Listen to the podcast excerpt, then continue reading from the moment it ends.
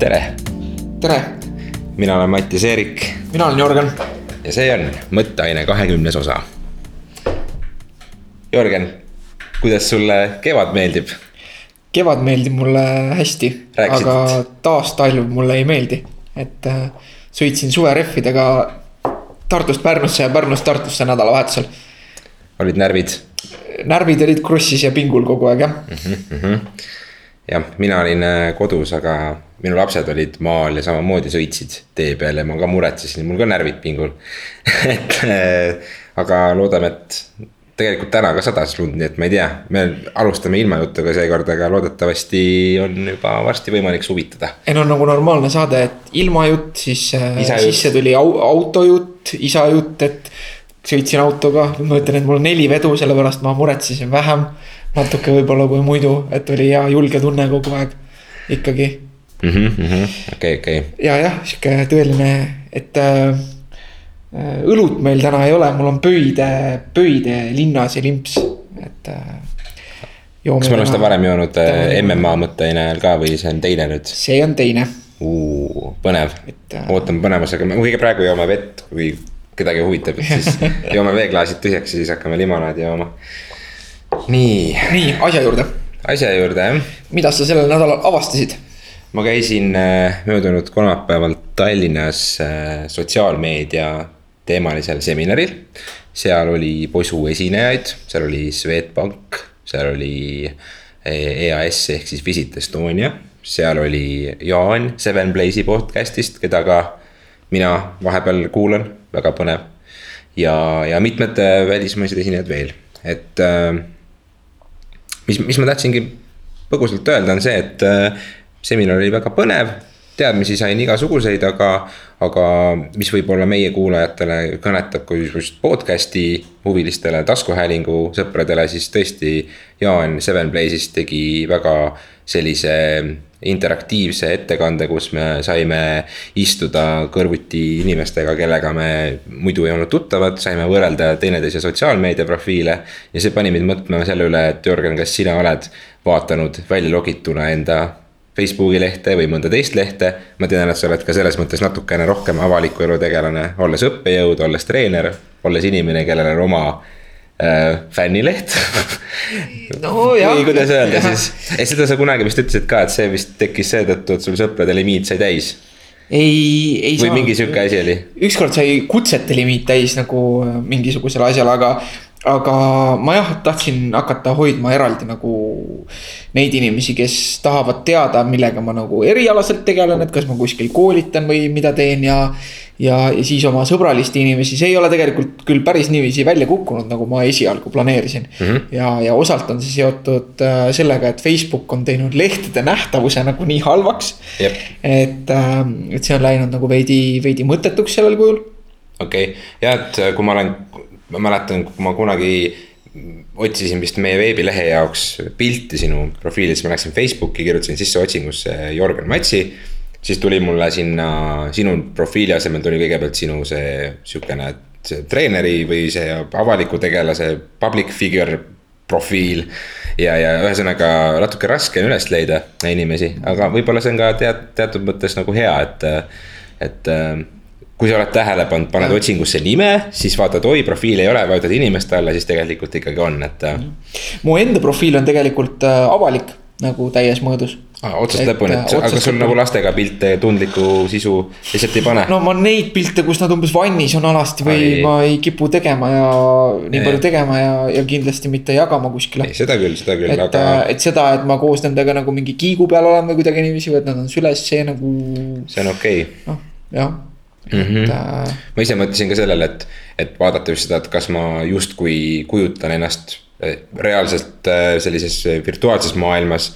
Teistmoodi, siis tegelikult ega ei olnud küll, et mul on seal väga ilusti kirjas, et ma teen heavy bändi ja, ja et ma olen isa muidugi, lastega pildid, et ma tegelen äh, äh, raadiosaatega meie väikese podcast'iga ja tegelen ka äh, siis veebilehe ehitamise platvormi juhtimisega nii-öelda.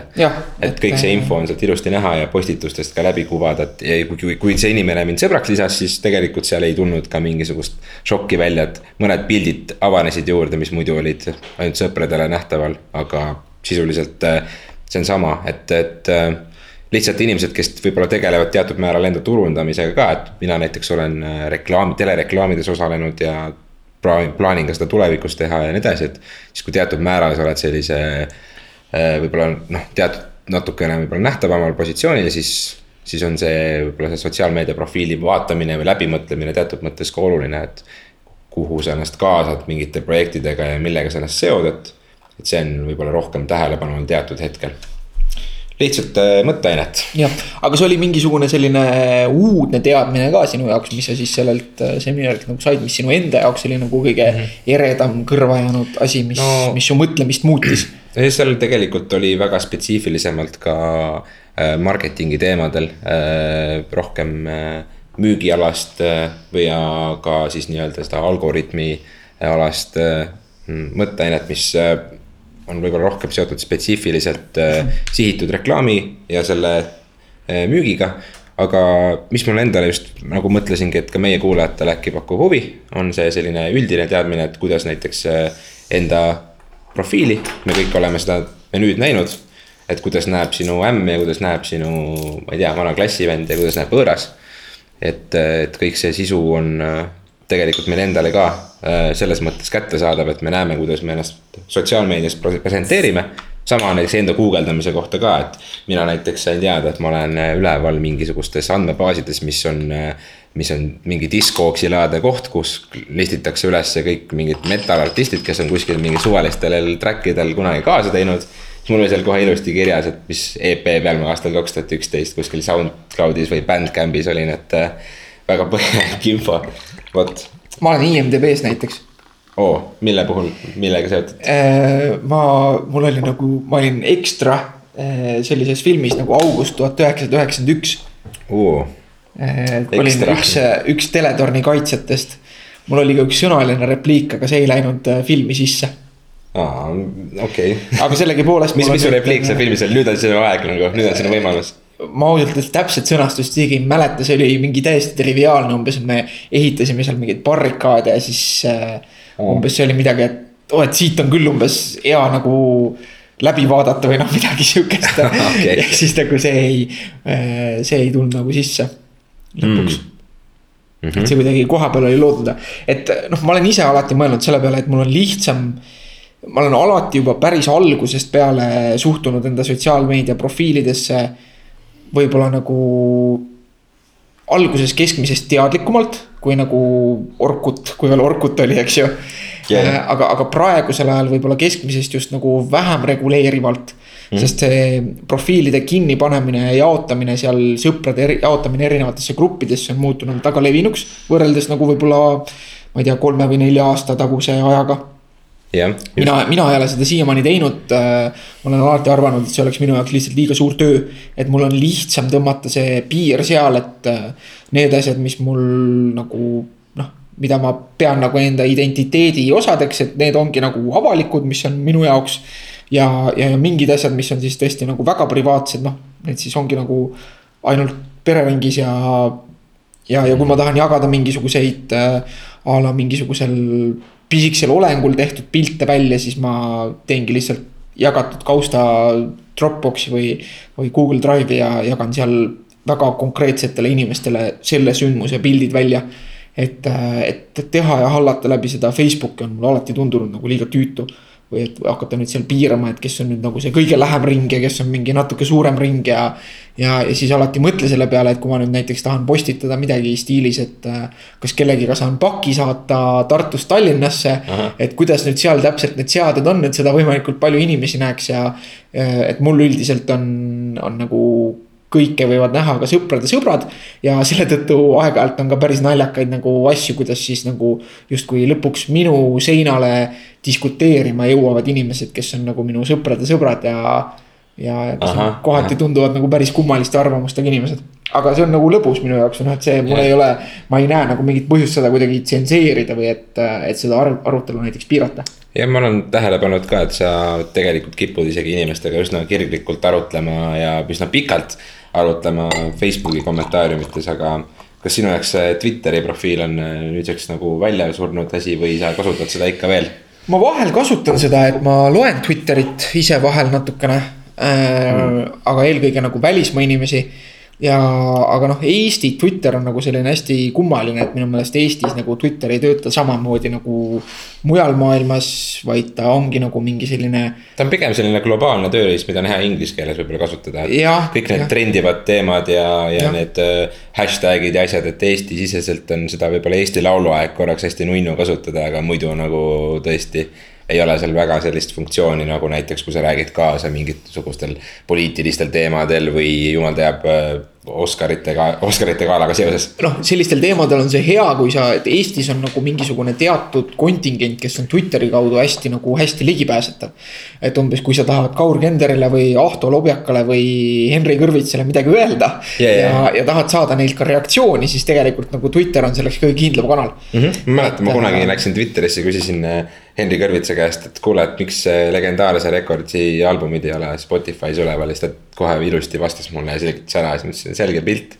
et noh et, äh, et see, see nagu on eestlaste seas on Instagram hästi populaarne millegipärast, et tundub, et samas nagu, et Instagrami kasutavad eestlased nagu justkui selle mm -hmm. globaalse, globaalse jah. nagu liikumise osana hästi. aga me tegelikult lähme nagu juba täiesti meie selle nädala suurde teemasse. Lähme jah natukene sisse, et võib-olla tõmbame korraks. just, et tõmbame tagasi. hetkeks pidurit ja, ja anname õhku selle kiusuka, et et suureks teemaks on äh, tähelepanupõhine majandus ja, ja sellest tulenev äh, digimaailm ja, ja kõike see, mida see lõpuks meie ajudega teeb, et inimesed müüvad meile neid asju, mis saavad palju likee ja tahavad, et me kogu aeg neid äh, näeks.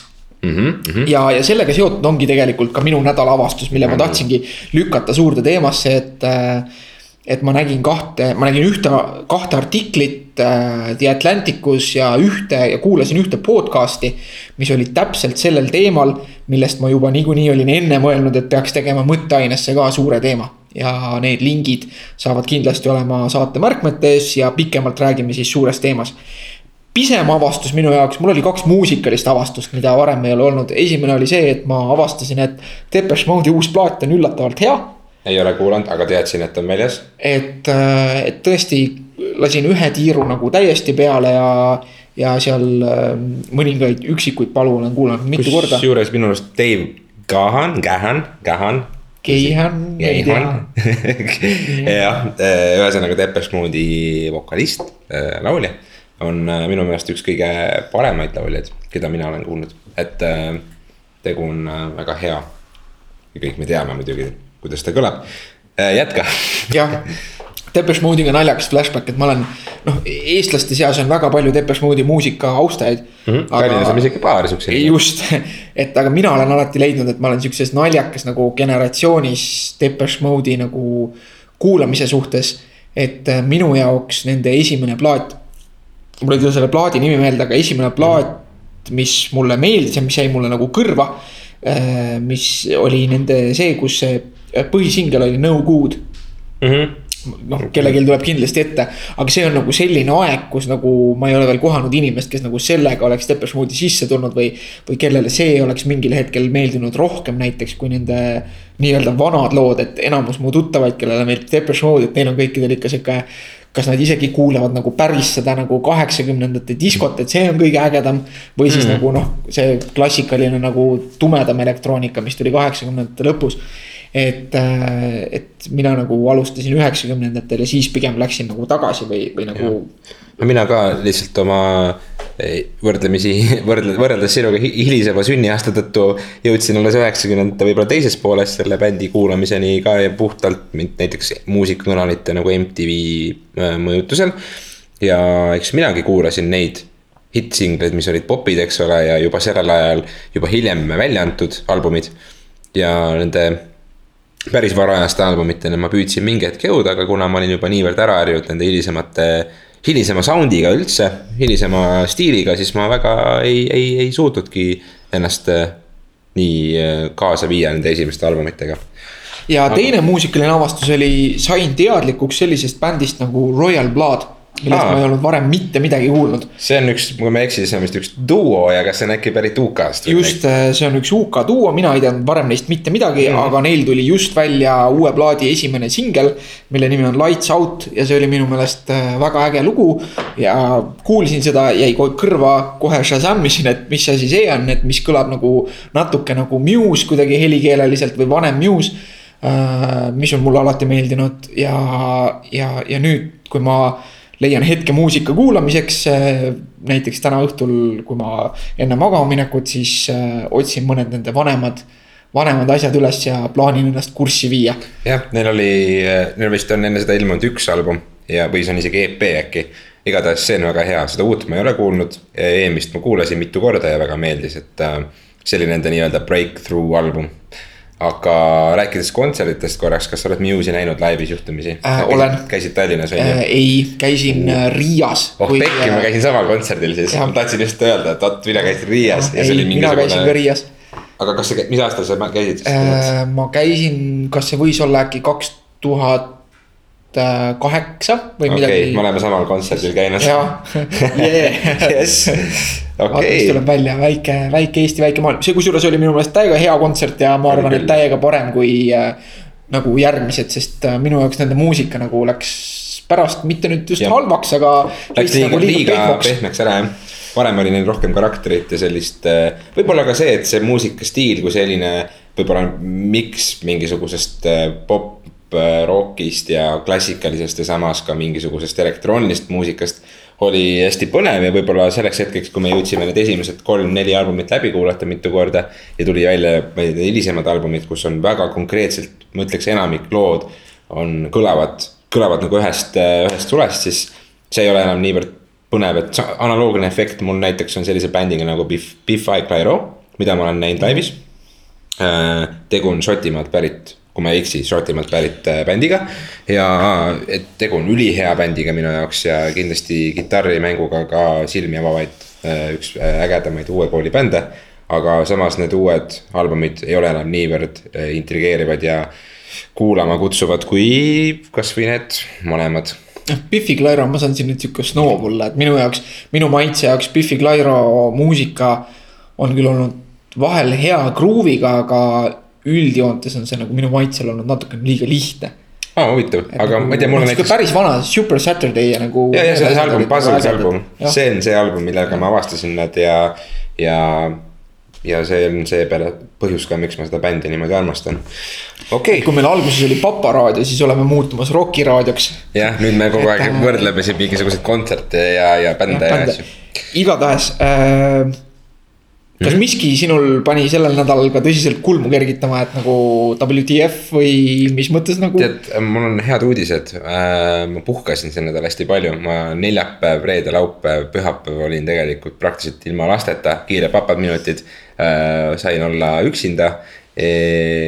ja mitte tegelikult ka üksinda, vaid koos oma tüdruksõbraga ja lihtsalt äh, puhata pead ja magada ja, ja võib-olla hoolitseda enda tervise eest üle pika aja, nii et äh, mul oli väga uudistevaba ja stressivaba. väga stressivaba nädal. Äh, mul üldiselt ka. aga üks asi, kui ma sõitsin, ma ei mäletagi, kuhu ma hommikul sõitsin autoga, aga hommikuprogrammist no,. kuulsin seda no,, see oli tõeline, see oli see, et nii kui ma seda kuulsin, siis oli see, et mis mõttes nagu. et äh, Raadio kahest, mis on riigiraadio, mis äh, tegutseb selle eest, et äh, meie maksame makse äh, Äh, kes vähem, kes rohkem mm. -hmm. et äh, Riigi raadiost tuli siis juttu sellest, räägiti üldiselt kosmonautikapäevast ja sellega seonduvast ühest sündmusest, mis Tallinnas oli. aga nagu välja tuli, siis rääkijaks oli Igor Volke ja tema see jutt läks vaikselt yes. sinna, et.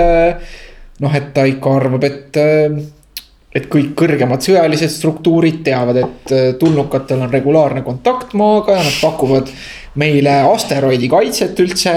mille peale muidugi, kui ma sellest Facebookis kirjutasin, siis parimad kommentaarid olid kõik need, et noh, et aga oled sa mõnda asteroidi näinud maale kukkumas? ei ole, järelikult töötab et, et järelikult töötab mis on seesama, samast rubriigist, et, et kas sina teadsid, et sõrmede nipsutamine peletab eemale tiigreid? ei, kuidas? Jah. kas sa näed mõnda tiigrit? töötab töötab järelikult jah Jah. okei et ähm, ja, ja, ja kõige parem, parem detail, noh, ühesõnaga üld- üldse see tervikuna sellest, et äh, raadios võiks rääkida nagu tõesti Eesti kodanikule relevantsetest asjadest. aga räägitakse siis sellest, et, äh, et kui äh, äh, Soomes oli mingi tähtis sündmus, kus äh, viidi kurssi inimesi siis erinevate kaitse ja ufo teemadega, siis sinna läks Eestist ka Tõnu Trubetski, sest äh, tegelikult nagu need inimesed, kes nii-öelda kardinate taga niite tõmbavad, nad ikka teavad, kuidas ühiskonnas sõnumid levivad ja siis pidi ka Trubetski seal käima. et äh, et äh, tegelikult oli ka, et noh, Facebookis läks sellest kirjutamiseks ja, ja sealt tuli ka välja, et noh, et selle asemel, et rääkida asjadest nagu ma ei tea sellest, et kuidas ikka selle Eesti metsade raiemahu suurendamisega on või ei ole ja. ja, ja kuidas ikka selle Rail Balticu ehitamisega on või ei ole, mis on Mm. nagu selgelt olulised nagu päris teemad, mis äh, mitte ainult lähiaastatel, vaid ka nagu kümne ja viiekümne aasta pärast hakkavad põhimõtteliselt kõigi meie elu mõjutama Mhm. selle asemel siis kutsutakse saatesse mingi vend, kes juba nagu kakskümmend aastat on mingit psühhedeelset joga ajanud ja. ja, ja, ja lastakse tal rääkida nagu õige mees kunagi. mul oli nagu, et mis mõttes nagu Riigiraadio, minu maksud. Mhm, mõistan su valu aga ei, ei, ei hakka midagi väga lisamagi, mõistan su valu. MMA minutid. jess nädalavahetusel toimus Tallinnas Explosion, mis äh, näis olevat tegu ei olnud äh, terroriga okei, okei, sorry. päris halb nali, et äh, äh, toimus siis äh, Saku Suurhallis suur võitlusüritus K1 äh, ja MMA, seal oli üks MMA matš, kus võistles üks vähestest aktiivsetest Eesti profivõitlejatest, Alar Hutrov, kes kahjuks pidi vastu võtma kaotuse teises raundis mm. -hmm. väga kurb iseenesest või noh, mul oli kahju, et äh, ta vist, kui ma ei eksi, siis ta tegelikult domineeris ja oli punktidega oli kindlasti ees, aga lihtsalt jäi käelukuga. jah, et vastasel oli nagu selles suhtes väga tänapäeva mõistes riskantne mänguplaan, et läks ise vabatahtlikult, võrdlemisi vabatahtlikult nagu alla ja oligi nõus nagu kaitset mängima. mängis selle peale, et äh, ehk ta siis suudab ühel hetkel alt alistada. kes tema vastane oli? see üks äh, lätlane. Okay., ta, Daniel Vessenjok. Mm. ja, ja siis, kas ta, tema jits on siis äh, ta oli jah, selline nagu maasvõitlus taustaga Okei, okei. äh, aga äh, Alariga treenin ise suhteliselt sagedasti ikkagi koos, et äh, tema maasvõitlustase on ka päris hea. aga noh, see on täpselt see, et juhtub ka kõige parematega, et sisuliselt oli see ootamatu käelõkk nagu sama nagu näiteks UFC-s kaotas tšempion Benson Henderson oma tiitli Anthony Pettisele. Henderson oli just vahetult enne seda matši saanud oma musta vöö Brasiilia jujitsus ja mm. -hmm. ja täpselt seesama selline nii-öelda baastehnika. millest justkui võiks arvata, et, et kõrgel tasemel sellega enam kedagi ei üllata, aga näed, juhtub ikka. et see on üks nendest asjadest, mis võitlusspordi teeb põnevaks ja, ja, ja võistlejate jaoks on siis see võlu ja valu, et et aga Alarit tundes, et ta juba andis intervjuu ka, et oli väga, väga nagu sihuke mõistlik ja ratsionaalne selle asja koha pealt ja. muidugi, see on väga suur kogemus. Läheb oma spordiga edasi. muidugi. ja märgime ära seda, et äh, viimane UFC, juba siis teine UFC üritus järjest. oli väga-väga oli hea. jälle väga-väga hea. aga kusjuures üks kõige väiksemate numbritega, vaatajanumbritega üritus üle pika aja. ma seda statistikat ei ole järginud, aga mina lihtsalt annaksin siin saatekuulajale jälle soovituse mm, -hmm. et äh, ühest küljest kuulake MMA mõtteainet, kui teid see sisu rohkem huvitab. ja teisest küljest, kui te mõtlete, et äh, võiks nüüd hakata UFC-d vaatama, siis see viimane UFC on Fox, UFC on Fox kakskümmend neli, Johnson versus Hayes Hayes. äh, oli täitsa selline üritus, kust võiks nii-öelda MMA võhiklik inimene alustada MMA vaatamist Mhm, jah, ja see peaks olema ka, kui te võtate näiteks UFC Fight Passi selle äh, voogedastusteenuse endale, mis maksab suurusjärgus seitse eurot kuus. siis neid Foxi sündmusi saab äh, sealt suhteliselt ruttu vaadata järgi ilma ja mina igasuguse vaatasin tasuta. sealt eile seda järgi juba, et ei pidanudki pi- piraati mängima. ja Just. Ja, ja ma isegi ütlen, et äh, ma ju ja tellingi sedasama teenust, et äh, teinekord lihtsalt läheb seal natukene aega, et sündmus on tagantjärgi vaadatav. võib-olla uni on teinekord magusam kui, vot. jah, see on hea soovitus kõigile ja siitkohast, kas on midagi MMA maastikus veel lisada, tähelepanekuid? Sellel nädalal mitte, kui mitte siis ette nagu anda kiusukas selle kohta, et tundub, et MMA mõtteaine muutub lühemaks, aga samas sagedamaks äh, ja. eriepisoodiks. et reaktsiooniosad on paremad. reaktsiooniosad tulevad meil hästi välja, pakuvad endale palju positiivseid emotsioone ja vahva on rääkida MMA uudistest vahetult peale sündmuse toimumist. ja me ei hakka sellega nagu koormama nii-öelda tavakuulajat, vaid jätame selle ja. nendele, kes tõesti regulaarselt MM-ad jälgivad. suur teema, suur ja. teema, kork maha. Äh, teine limonaad. minuga juhtus äh, siis see, et ma sain ekstra tõuke ühele teemale, mille peale ma olen juba pikka aega mõelnud äh, ma olen nagu alati arvanud seda, et meil kui inimestel või inimolenditel on kaks sellist äh, olulist ressurssi, mida, mida me kogu aeg kasutame. üks on suhteliselt elementaarne, see on aeg. räägitakse, eks ju, et aeg on raha ja, ja see on nagu olnud see traditsiooniline mm, -hmm. traditsiooniline sihuke väljend. ja, ja, ja sellega seoses siis see, et noh, aeg on üks asi, mida me ei saa mitte kuidagi ja, kokku hoida või säästa, et, et minu jaoks alati on nagu hästi kõlanud see mõte, et. et tegelikult aja säästmine või aja kokkuhoid on nagu oksüümoronid, et me ei saa seda päriselt tegelikult teha. et me saame ainult aega kulutada ja me saame nagu otsustada, kuidas või millele me seda kulutame, et see tiksub niikuinii kogu aeg edasi mm.. on ju, vähemalt arvestades seda, kuidas me praegust temporaalfüüsikat mõistame. me saame võib-olla tegevusi äh, kokku hoida nii-öelda, et me mõtleme läbi oma plaani ja teeme midagi natukene vähem aega, kui me võib-olla. just aga, aga selle kõrval on nagu minu mõte olnud juba mitu aastat see, et teine selline ressurss on tähelepanu. et, et see ei ole ja see tähelepanu on nüüd see, et okei okay,, et aeg on nagu asi, mis lineaarselt tiksub. aga, aga tasub mõelda eraldi ka nagu tähelepanust kui kui millestki, mis on nagu piiratud ressurss, noh ilmselgelt on eks ju mõistetav see, et me ei saa oma tähelepanusse haarata nagu kõike on ju, ma võin autot juhtida telefoniga rääkida samal ajal, eeldusel, et see on hands-free peal, sest siis on see seaduslik yeah. et, et ma, see nagu arvatakse, et on nii-öelda tähelepanu jaotus on võimalik mm. -hmm. aga näiteks ilmselgelt äh, autot juhtida ja, ja sõnumit saata samal ajal äh, on väga ohtlik, sellepärast et need asjad ei mahu meil tähelepanusse. või noh, ütleme kõik ilmselt on kogenud seda, et, et kui äh, jaotada enda tähelepanu näiteks pidevalt mingisuguse tööülesande ja Elu24 lugemise vahepeal, siis see lõpptulemus ei ole võib-olla nii efektiivne. ja kui me paneme sinna juurde veel äh, selle, et äh, brauseri aknas on lahti Facebook ja, ja telefonis on lahti mingisugune chat kellegagi.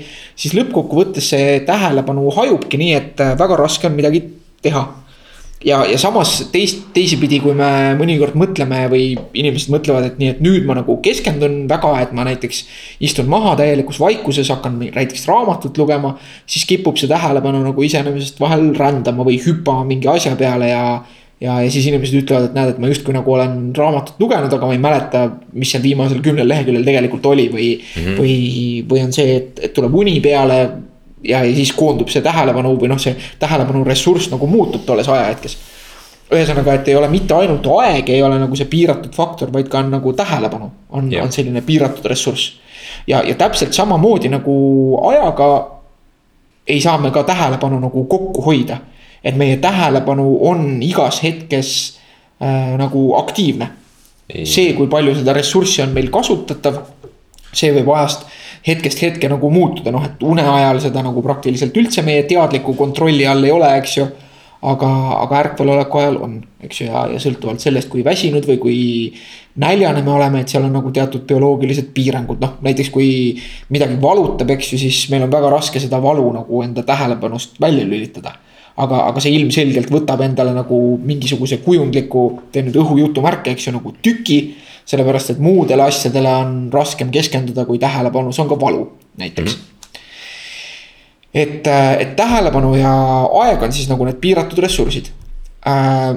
ja, ja ma olen juba mõnda aega, olles ise nagu võib-olla ka inimene, kes, kes alati ei jaota enda tähelepanu kõige efektiivsemalt, et noh, sa enne mainisid ka, et ma olen inimene, kes kipub vahel Facebookis laskuma nagu pikkadesse aruteludesse äh, inimestega, keda ma ei tunne tegelikult Jah, jah. eks ju, ja, ja ma nagu kogemuslikult ju tean ja näen, et nendest aruteludest enamasti ei ole selles suhtes mingit kasu.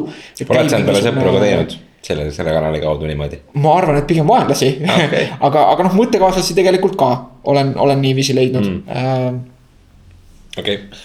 aga, aga et noh, et eriti praegu on see, et noh, et toimub see arutelu, see on hästi emotsionaalne ja siis noh, sisuliselt päev hiljem seda enam ei ole või noh, et see nagu kukub nagu tähelepanust ära, mis on nagu selline.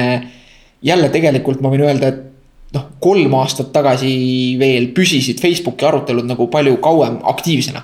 Kui praegu, kus nende eluiga ikka suhteliselt on nagu kakskümmend neli tundi umbes mm. -hmm. et, et nii-öelda võib-olla nagu kahel päeval nagu see veel püsib, aga siis tavaliselt nagu tuleb midagi uut või. või, või, või see lihtsalt nagu vajub ära, isegi kui midagi uut ei tule Jah. ühesõnaga, et, et, et see digitaalne maailm ja, ja see muutub väga kiiresti, see võtab väga palju meie tähelepanu.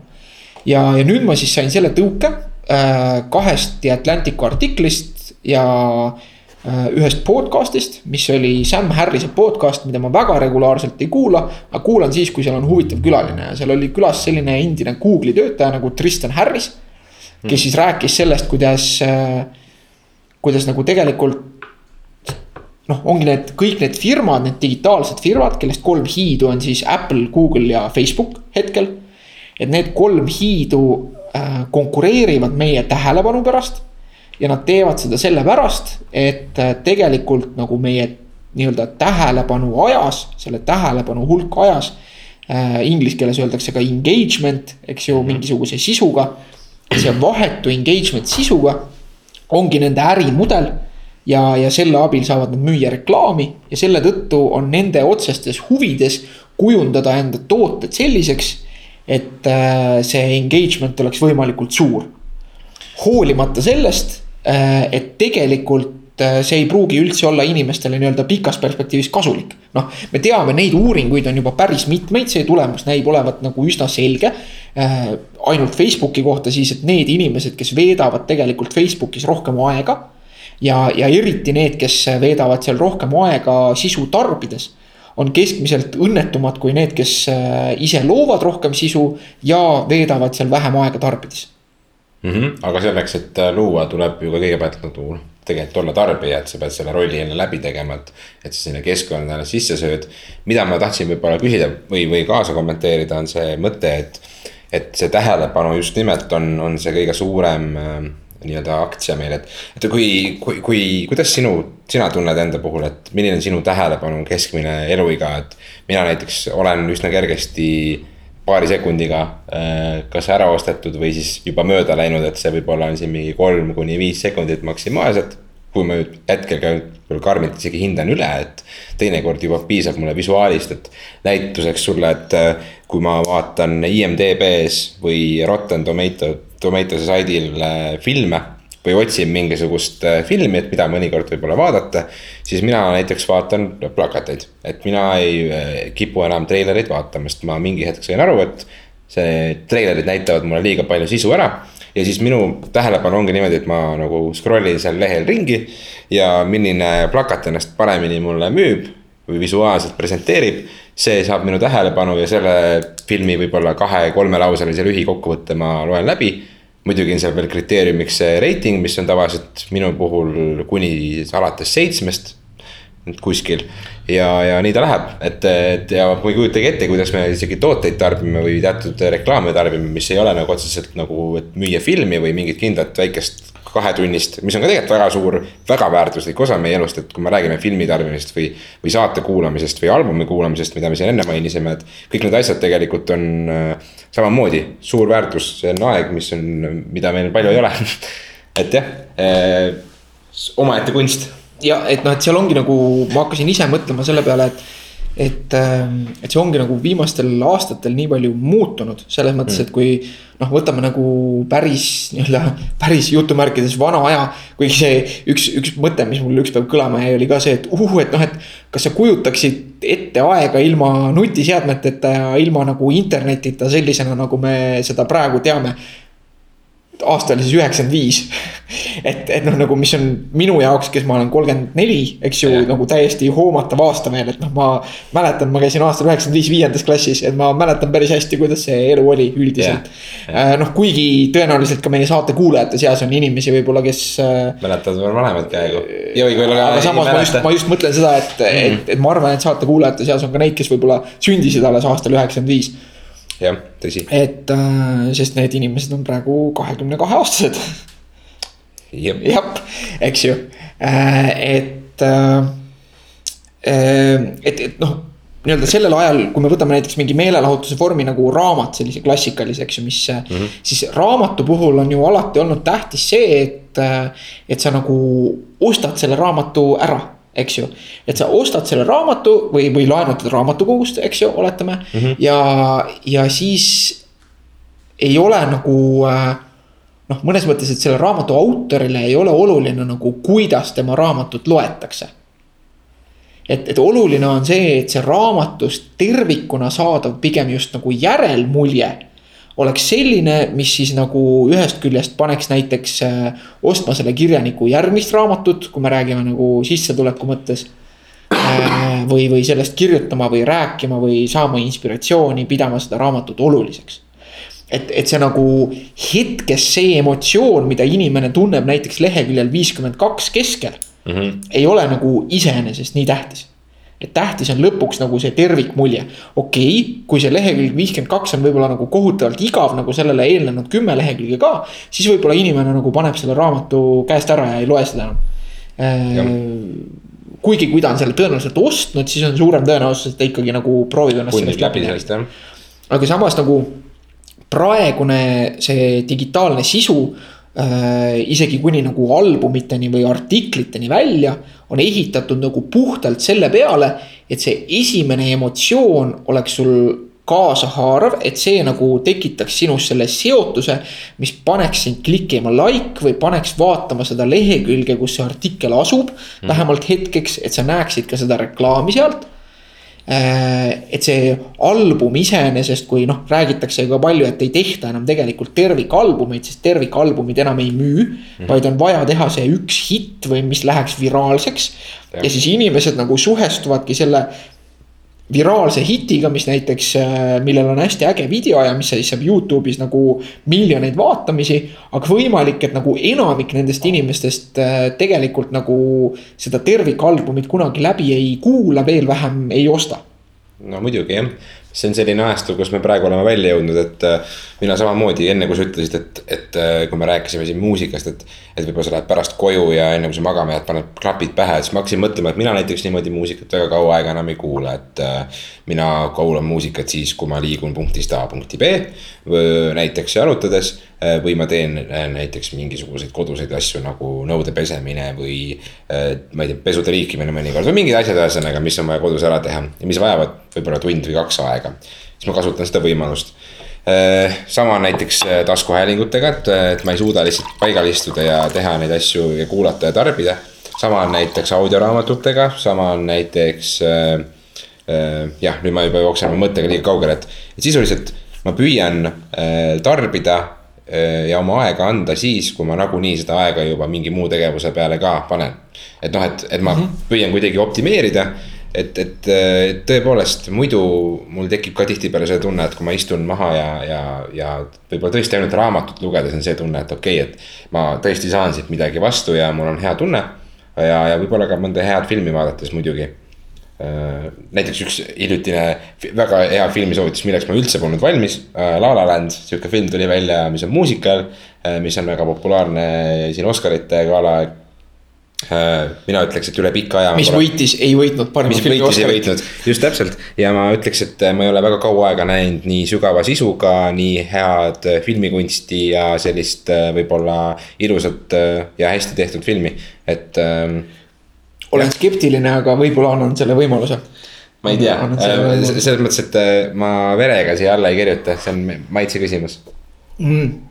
et äh, kusjuures see on huvitav, et sa mainisid nagu podcast'e sest see üks nendest Atlanticu artiklitest äh, kirjutas just sellest, et et podcast'id on üks viimane kants äh, nagu sellisel meedial, mis hetkel veel vähemalt suudab olla nagu tervikupõhine, kus on nagu oluline on nagu nii-öelda see siis äh, subscriber ite, mis eesti keeles on, Äh, tellijad. tellijad, et oluline on see tellijate arv mm. -hmm. mis ka meie podcast'il on oluline või noh, et, et, et see on nagu see, mis tagab need kuulamised ja seetõttu on oluline selle taskuhäälingu tervikmulje.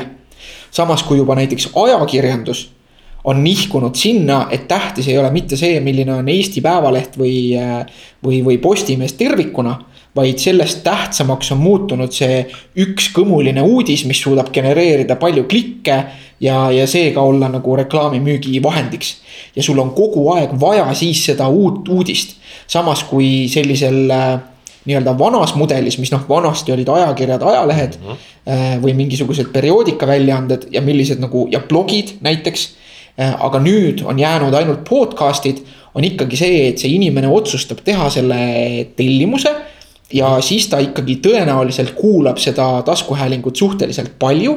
ja see annab taskuhäälingu loojale vabaduse katsetada erinevaid teemasid ja mm., ja, ja vaadata, mis töötab ja mis mitte. ja ta ei pea nii palju muretsema selle pärast, kui palju üks individuaalne episood saab noh, nii-öelda jutumärkides likee, kasutame siin seda ja. terminit, mis nagu Facebookist on külge jäänud.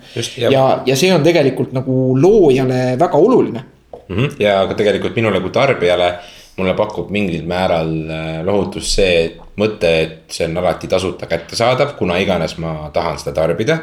ja ma ei pea, ma ei, ma ei tunne seda, et ma olen selle endale ostnud, et kui ma selle kinni panen või järgmise osa võtan, siis ma ei tunne, et ma kaotan oma võib-olla raha. et küll aga ma saan väga jooksvalt hinnata oma ajalist ressurssi, mis ma sellele annan ja oma tähelepanu.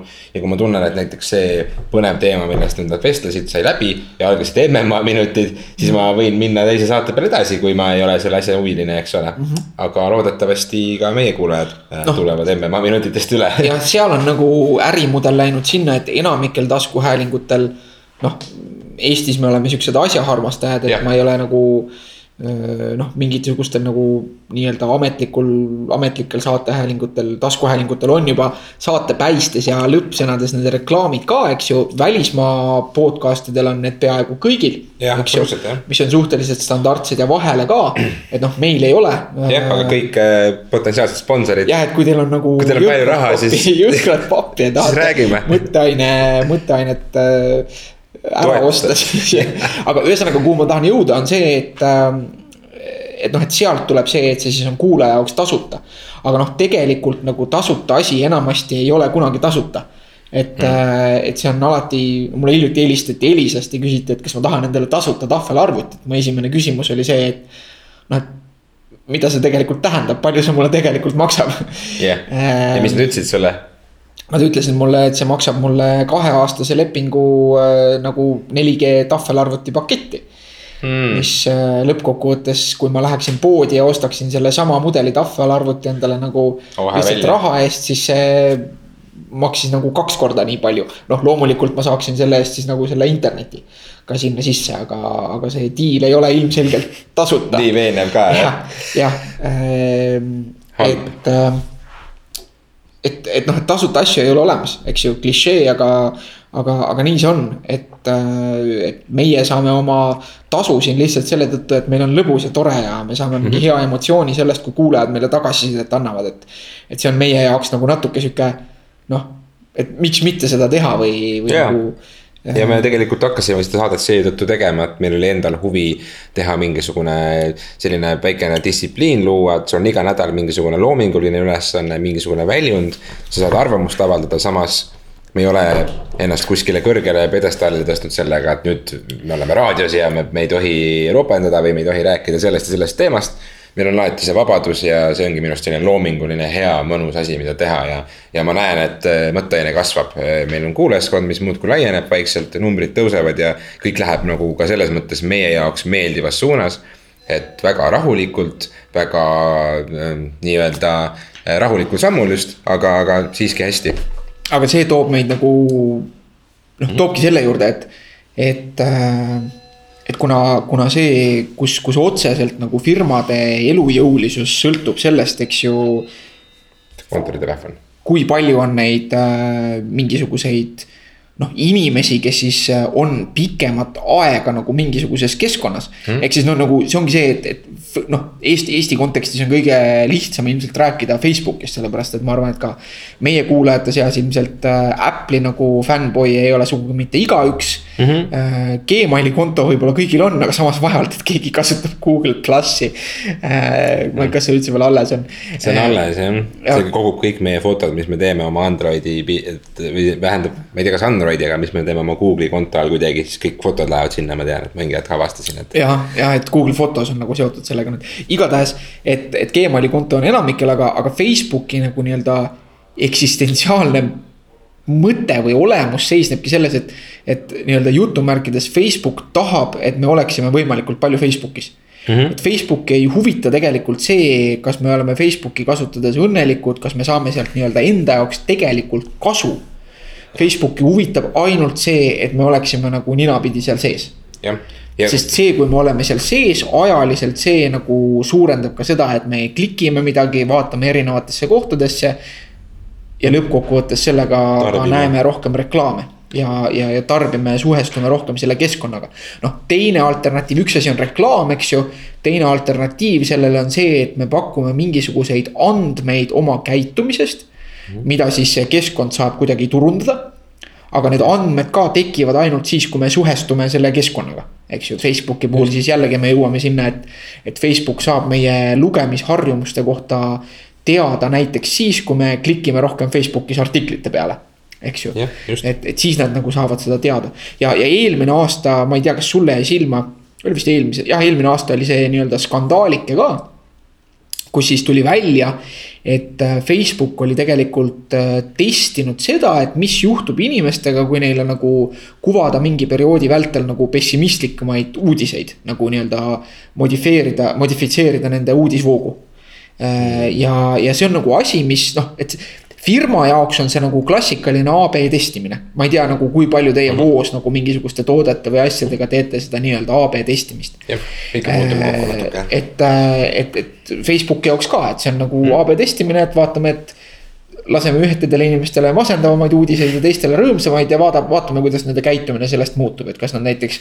tõenäolisemalt või vähem tõe-, et kui me noh, nii-öelda hüpoteetiline stsenaarium, et kui me näitame inimestele palju äh, äh pilte nagu Süüria sõjast, et kas nad siis tõenäolisemalt klikivad sellel reklaamil, mis üritab neile müüa nagu mingisugust ellujäämiskitti näiteks okay.. eks ju, või, või vastupidi just, et äh, üritab müüa neile umbes, et näed, kliki siia ja vaata seda toredat asja ja maksa selle eest, et. et kas ta siis klikib tõenäolisemalt sinna.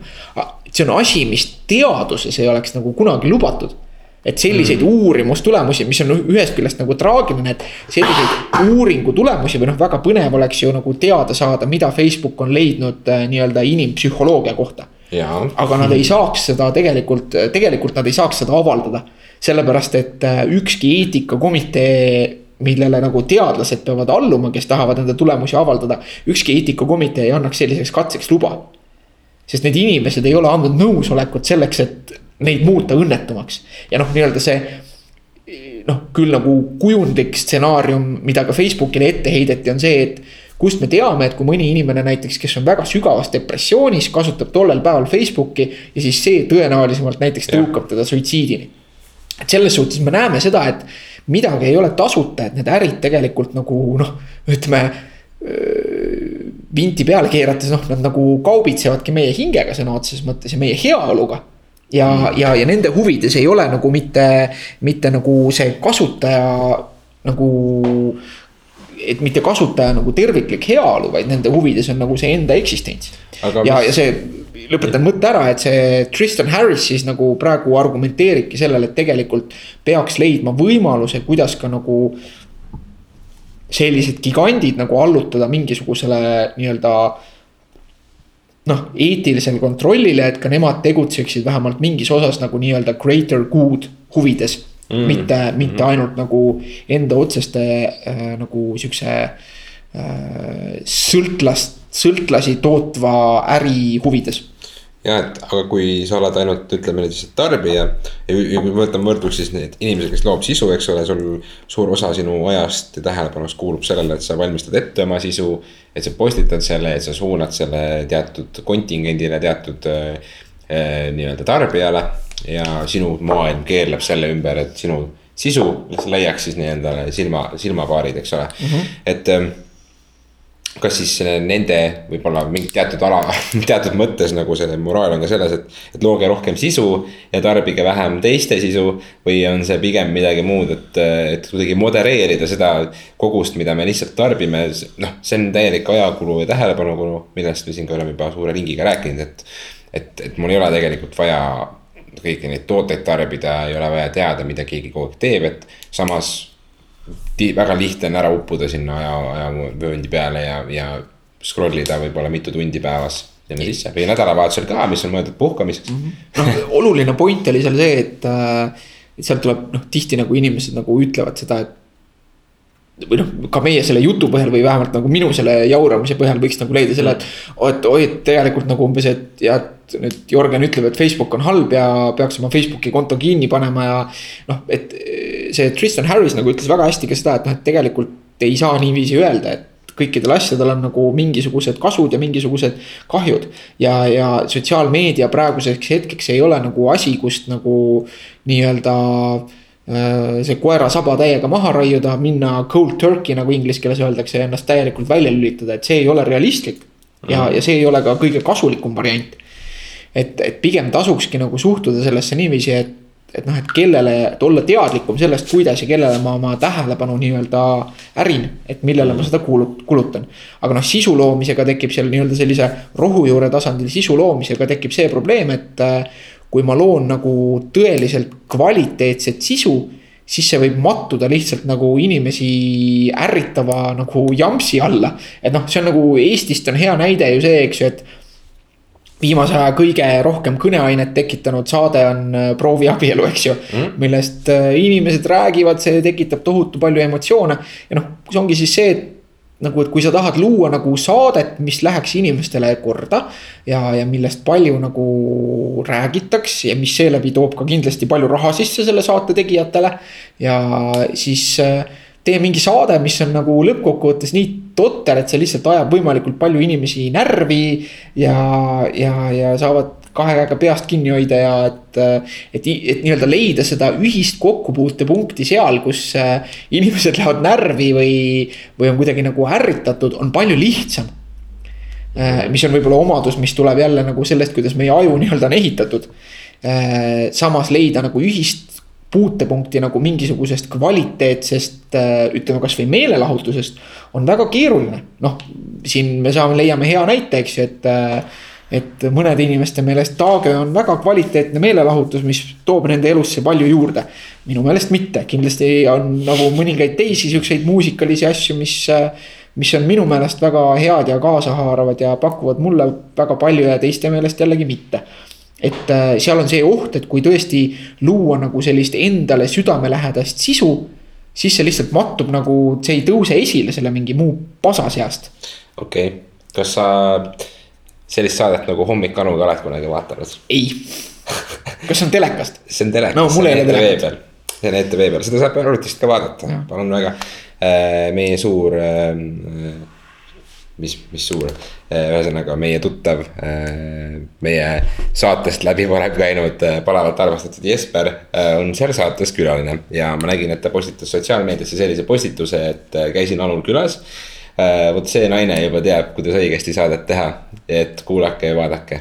et ühesõnaga see, ma lugesin seda postitust, siis ma olin juba niimoodi, et joh, jälle sai ära panna kuidagi, jälle jäi ette mulle kuidagi see lause. aga ma sain tähelepanu endale.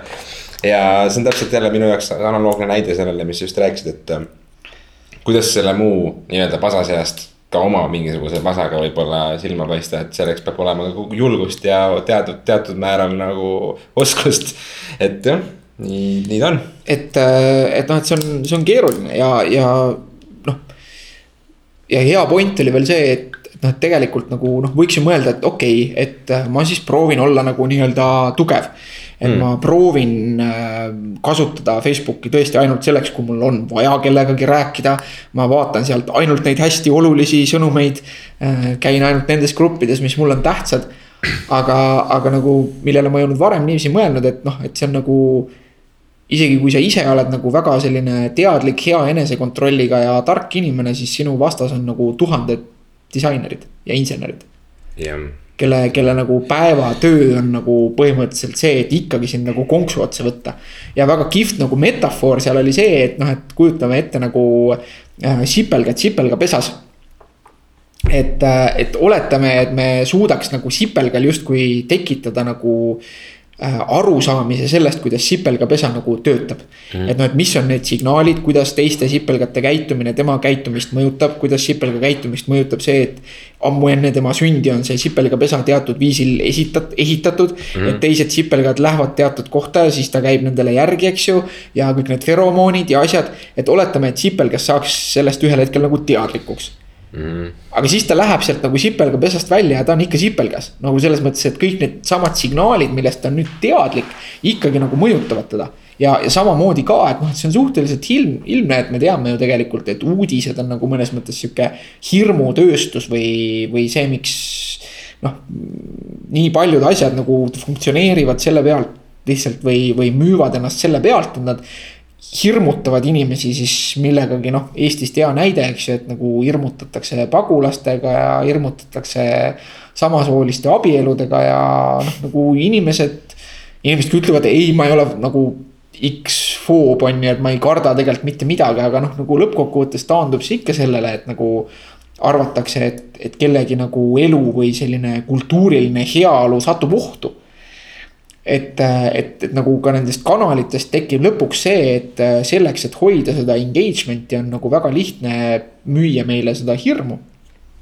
et selle abil nagu hoida, et, et, et tundubki, et lihtsam on inimesi hoida nagu nendes kanalites läbi selle, et et, et kõigepealt on nad nagu vihased või ärritunud ja siis see vaheldub nagu mingisuguse sellise mindless nagu meelelahutusega. umbes, et oo, et vaata, et armsad kassipojad ja siis jälle umbes nagu, et vaheldub nagu selline äh, nii-öelda madala taseme nagu ärrituvus ja raevuhood vahelduvad siis sellega, et.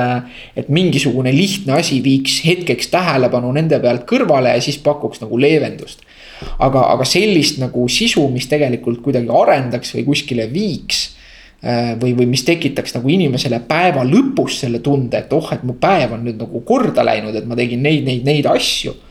noh, ma usun, et päeva lõpus enne magama minekut ei ole väga palju neid inimesi, kellel oleks peas see mõte, et. kurat, et ma täna ikka piisavalt palju aega ei kulutanud Facebookis mm. -hmm. et noh, pigem on ikka nagu vastupidi või et, või et oh, et küll mu päev läks täna hästi korda, et ma kus ma alles kommenteerisin täna, noh. ma arvan, et see pigem on ikka nagu vastupidi. et, äh, et see masinavärk nagu hoiab meid kinni. ja, ja, ja nagu sellepärast ongi nagu ühest küljest noh, loomulikult rohujuure tasandil see, see teadlikkus, nii-öelda see sipelga tasandil see teadlikkus, kuidas see meie nagu meid ümbritsev keskkond on teatud mõttes disainitud selliseks, et meid teatud viisil mõjutada et see on disainitud selleks, et me vajutaks like ja, ja, ja et meil on vaja nagu seda justkui hakkab telefon taskus sügelema, et vaatan, et kas kuskil on midagi postitatud või midagi toimub või. või et see on kuidagi nagu sihuke omamoodi nagu mõnus sihuke erksus tuleb peale, kui ma tunnen, et mu telefon taskus teeb zzz, eks ju mm, -hmm. et, äh, et, et see, see reaktsioon on ka nagu noh, neurofüsioloogiliselt hästi mõõdetav ja, ja tegelikult on teada, mis see meiega teeb, aga. aga küsimus ongi selleks, et, et nagu tegelikult päeva lõpuks ei pruugi need asjad meile olla kasulikud. ja, läksime sinna sügavale. ja head mõtted tegelikult, äh, siin on palju asju, millest äh, ka suures teemas järgmises saates näiteks edasi minna. Äh, kui kuulajatel on mõtteid, kui kuulajatel on soov kaasa rääkida siis äh, nagu alati teie kommentaarid ja kirjadki meie äh, mõtteaine, et gmail.com meiliaadressil on äh, vägagi oodatud. Ähm, mis te arvate, kas lähme järgmisel nädalal juba süvitsi näiteks mõne spetsiifilisema teemaga veel edasi või suundume juba uutele radadele. sellel samal teemal minu isiklik jauruaur kindlasti ei lõppenud. jah, just nimelt ja tegelikult nagu täna tähele panite, siis oligi nii, et Jörgen oli jällegi natukene äh, aktiivsem, mina võib-olla jälle mitte niivõrd aktiivne. aga minul on ka palju mõtteid sellel teemal ja eks, kes kannatab see. järgmises saates kuulame siis sind. jah, näiteks või siis midagi muud, kõik on tegelikult põnev, mis me oleme seni ette võtnud ja suutnud äh, oma kuulajateni tuua okei okay, äh,, oli hea. järgmine ja. kord on veel parem loodetavasti. aitäh sulle, nukid